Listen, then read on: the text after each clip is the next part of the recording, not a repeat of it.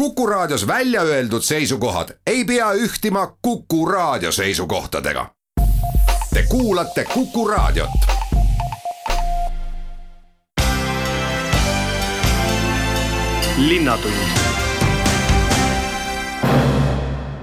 tere enne kui hakkan enda küsimustele vastuseid otsima läbi intervjuude, vastan teie pärimistele ehk milline saab olema siis Tartu Kuku tulevik.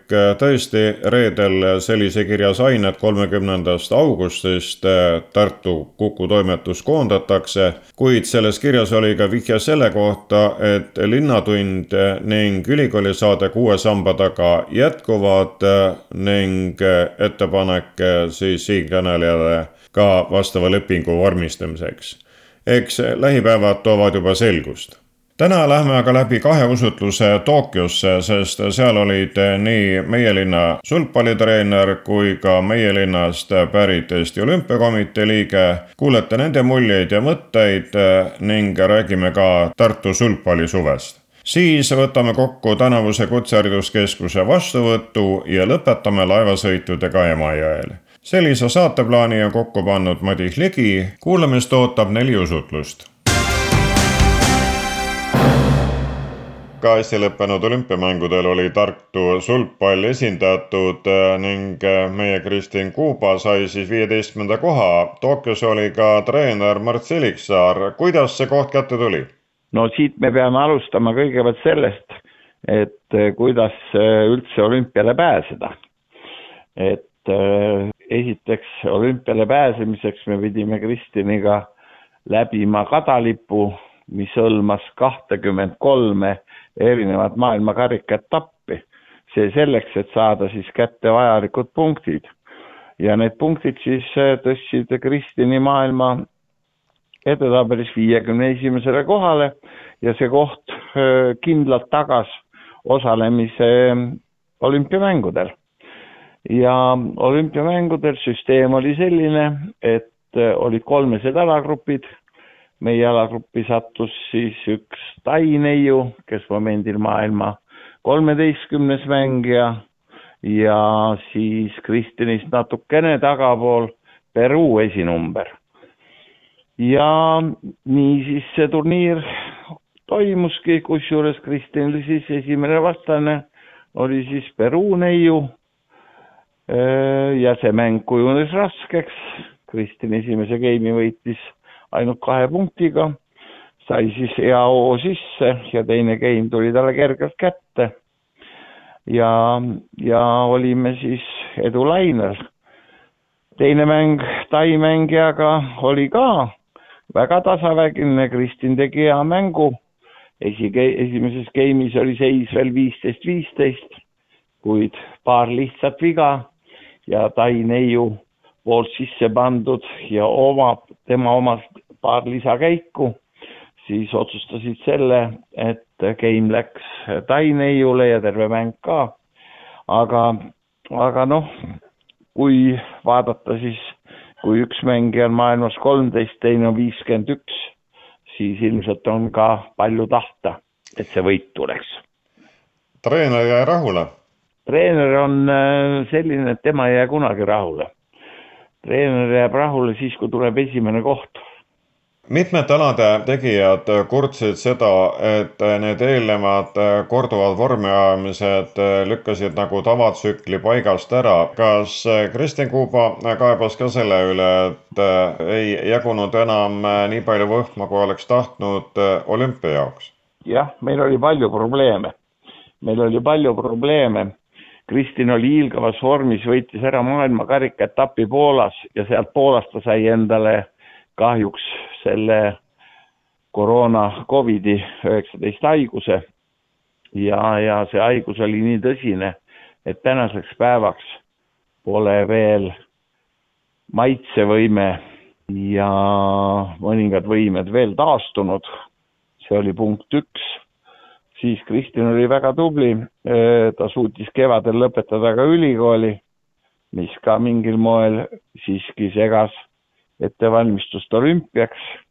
ja, ja kolmas probleem, mis oli ka tõsine probleem, oli see, et meie kodusaal Alle Kokk spordihoone juba alates esimesest aprillist, see tähendab kolm kuud ennem olümpiat võeti linna poolt kasutusse kui Covidi vaktsineerimiskeskus. Me kaotasime oma kodutreeningbaasi, pidime otsima selliseid asendustreeningkohtasid.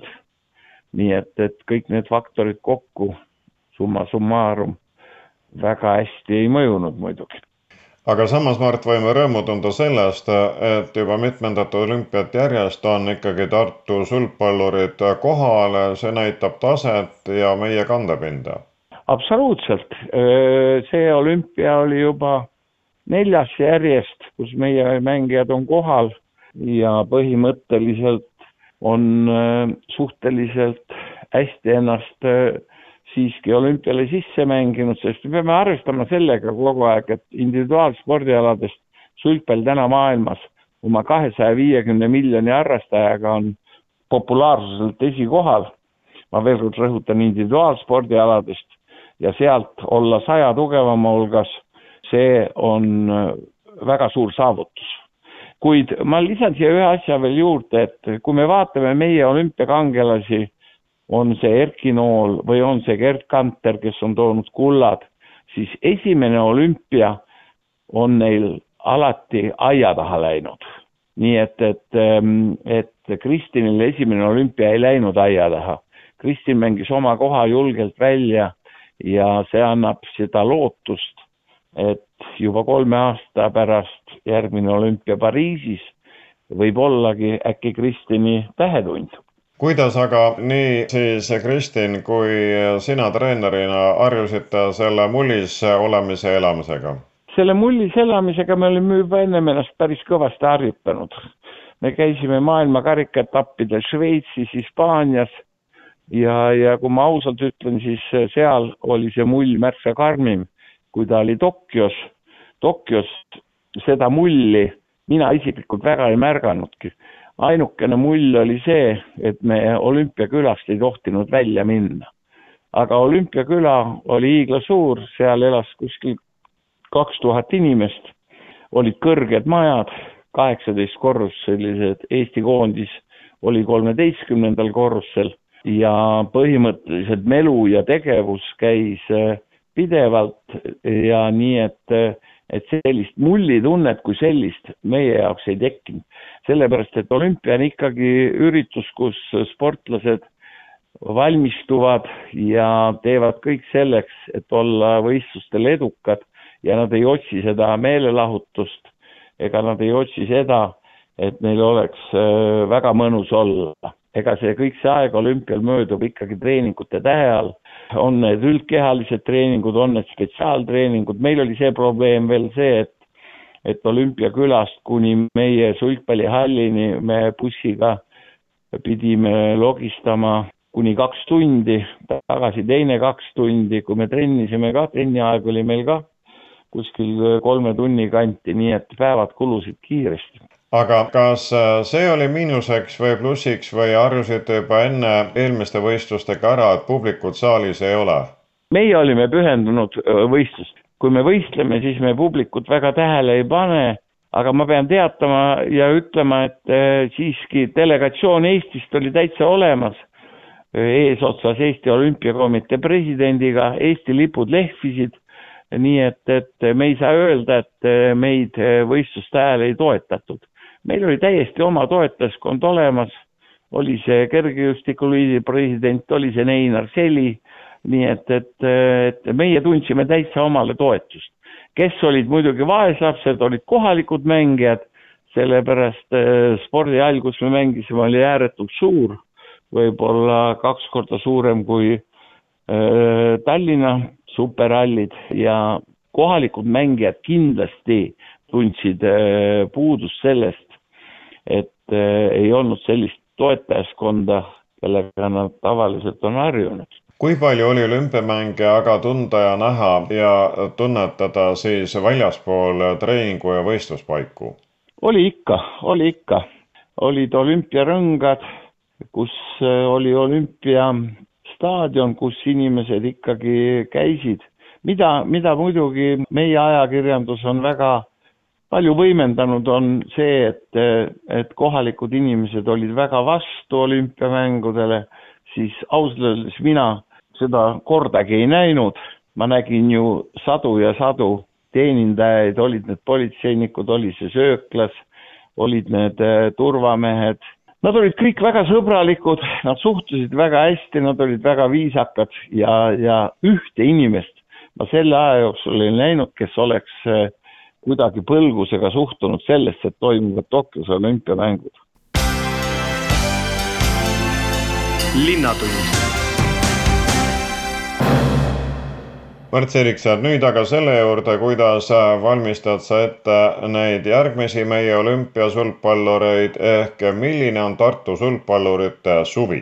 Tartu sulgpallurite suvi on tihe praegugi momendil oleme treeninglaagris Kilingi-Nõmmel, see on meil traditsiooniline koht, see on võib-olla üks minu arust parimaid kohti, kus üldse selliseid suvelaagreid korraldada, kusjuures suurepärane saal, staadion, söömine, elamine, inimesed elavad, sportlased kahe-kolmelistes tubades koos pese, heade pesemisvõimalustega, on kõik kahesaja meetri raadiuses ja vähe sellest, ega me suveks äh, treeningtegevust ka kordagi pooleli ei jäta.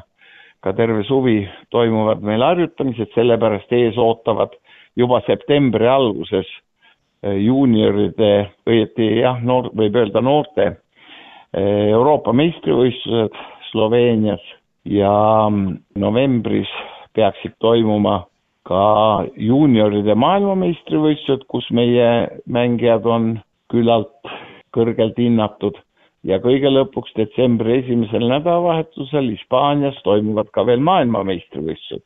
nii et, et meie spordi tegemine jätkub äh, täiel rindel ja suure hooga kas nende praeguste harjutajate, noorte juuniorite seast äh, näed juba kerkimas kedagi, kes võiks siis Tartu sulgpalli esindada järgmistel, ülejärgmistel olümpiamängudel? absoluutselt, praegu on meil näiteks seitsmeteistaastane noormees Tauri Kilk on Euroopas number kaks mängija, maailmas kindlasti kahekümne esimese hulgas.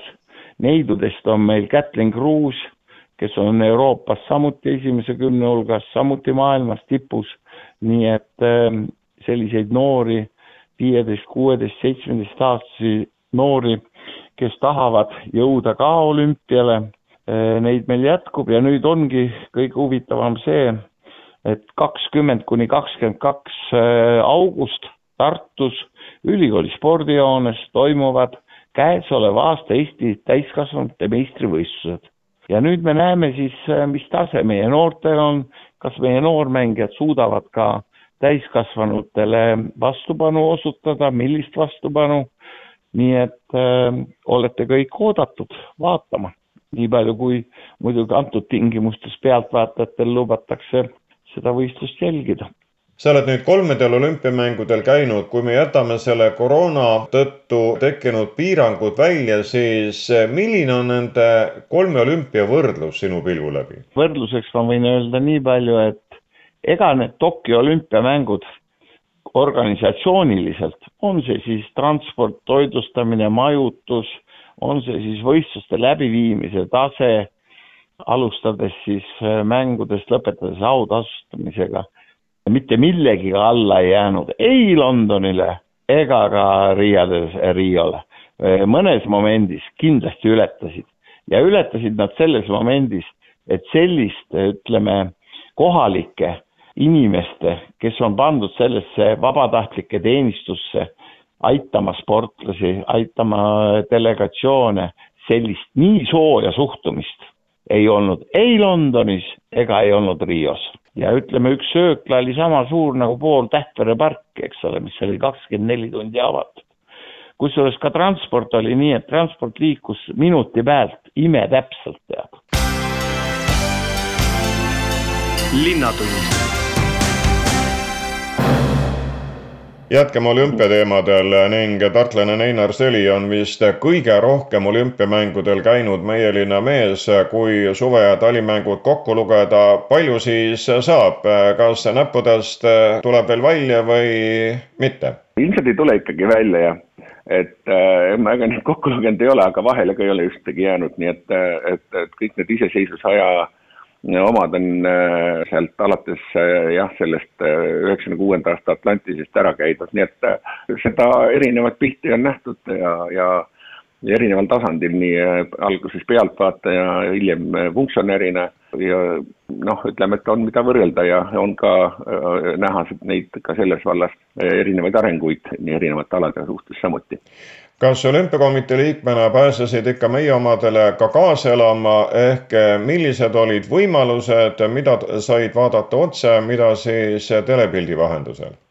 tegelikult kõiki asju sai näha ikkagi otse, et meie olümpiakomiteel oli kaks sellist lisakaarti, mida sai jagada, tegelikult ei tohtinud äh, ju ka isegi ROK-i liikmete kaaslasi kaasa võtta, nii et et kõigil, kellel need akrediteeringud oli võimalik teha, kõigil oli ilma kaaslasteta ja sellega ka piirati seda osavõtjate arvu, nii et need kaks kaarti, mida meil oli võimalik juurde teha, selle, need olid ka need, millega siis sai ka liikuda ja need liikumised andsid võimaluse siis kõiki alasid külastada ja, ja näha siis noh, loomulikult kõigi oma inimeste seda võistlust ja, ja etteastet, mida me ka tegelikult siis tegime. nii et äh, vehkleja naiste kullaheitlust said äh, vahetult kaeda ja rõõmutseda?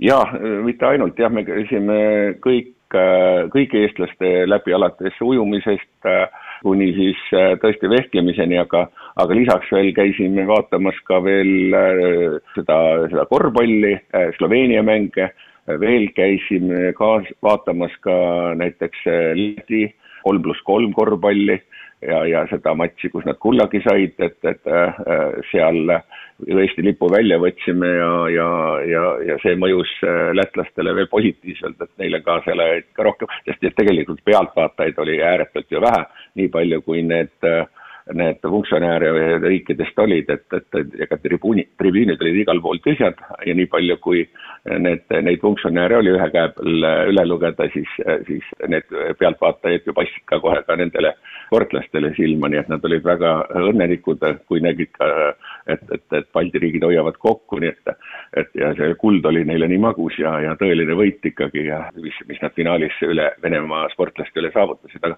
ja veel ranna, jah, rannavõrk jalgpalli, Läti omadele käisime kaasa elamas, aga, aga kõigi Eesti omadele loomulikult käisime, nii et see liikumine oli korraldatud, selline kontroll oli hästi tihe juba kui me hakkasime enne Jaapanisse minekut, pidid tegema need proovid üheksakümmend kuus tundi ennem, seitsekümmend kaks tundi ennem ja siis lennujaamas oli siis, läks ka kaks tundi veel kõigi nende proovide ja ja, ja, ja, ja noh, meie võib-olla pääsesime nendest proovidest oma hotellis vähem, aga olümpiakülas oli iga, iga päev oli, oli see proov, süljeproov, nii et et, et selline kontroll, aga temperatuuri mõõtmine oli vahetult iga, iga lounge'i, iga sissepääsu juures, nii et seal oli automaatsed kontrollid eraldi käsitsi veel, nii et et, et ja samuti oli veel ka äpp äh, telefonis, mida pidid täitma iga päev, et, et äh, koos temperatuuri ja oma sümptomitega, nii et, et selles mõttes selline tervise äh, kontroll ja järelevalve oli tugev ja, ja seda väga järgiti ja, ja, ja mõisteti seda maski ka, nii et kui see mask natukene nina otsast allapoole kukkus, siis tulti ja tehti märkus, et, et oot-oot, sul on natukene vajunud, et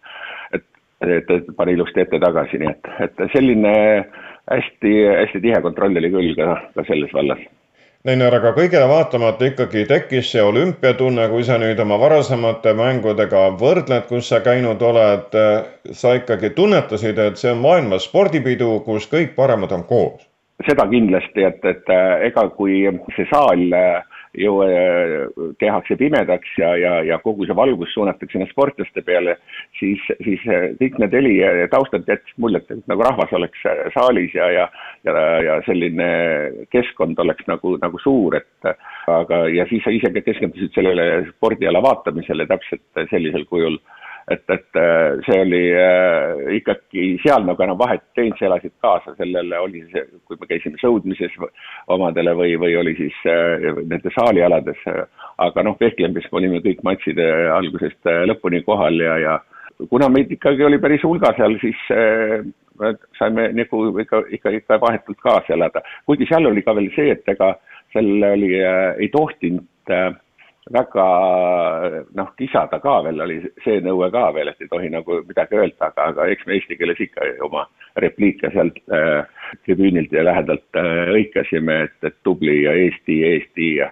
selline kaasaelamine oli, oli, oli nagu taustaks äh, hea ja, ja ma sain aru, et ka, ka nemad tundsid ennast palju kindlamana, et neil on seljatagune tugev. igal juhul uus ja omapärane kogemus äh, ning äh, olümpia on nüüd saanud ajalooks, jääb üle kolm aastat oodata ja loota selle peale, et siis on kõik juba tavaline nii võistlemise kui sellele kaasaelamise poole pealt jah, äh, ma arvan, et poole aasta pärast juba on, on taliolümpiat, et, et siis saab juba Pekingit äh, näha, et, et äh, aga kui palju seda muutust ja, ja, ja sellega see meie äh, pandeemia asi paraneb, aga, aga kolme aasta pärast jah, on, aeg läheb ruttu.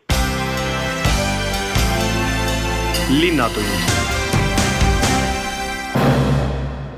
linnatund läheb edasi vabariigi suurima ametikooli vastuvõtuga, sest Tartu Kutsehariduskeskuses on nüüd nõnda tibudele laetud. direktor Rani Jõks, kui palju ühtekokku avaldusi tuli? avaldusi tuli üle kolme tuhande natukene ja kaks tuhat kolmsada kaheksateist kandideerijat, et noh, üks inimene saab kaks avaldust esitada, et, et kaks tuhat kolmsada kaheksateist kandideerijat oli, jah. mida see näitab võrreldes varasemate aastatega? Ta näitab meie jaoks äh, loomulikult positiivset tendentsi, et äh, on kandideerijaid ja rohkem, et äh, lausa kuusteist protsenti rohkem kui eelmisel aastal.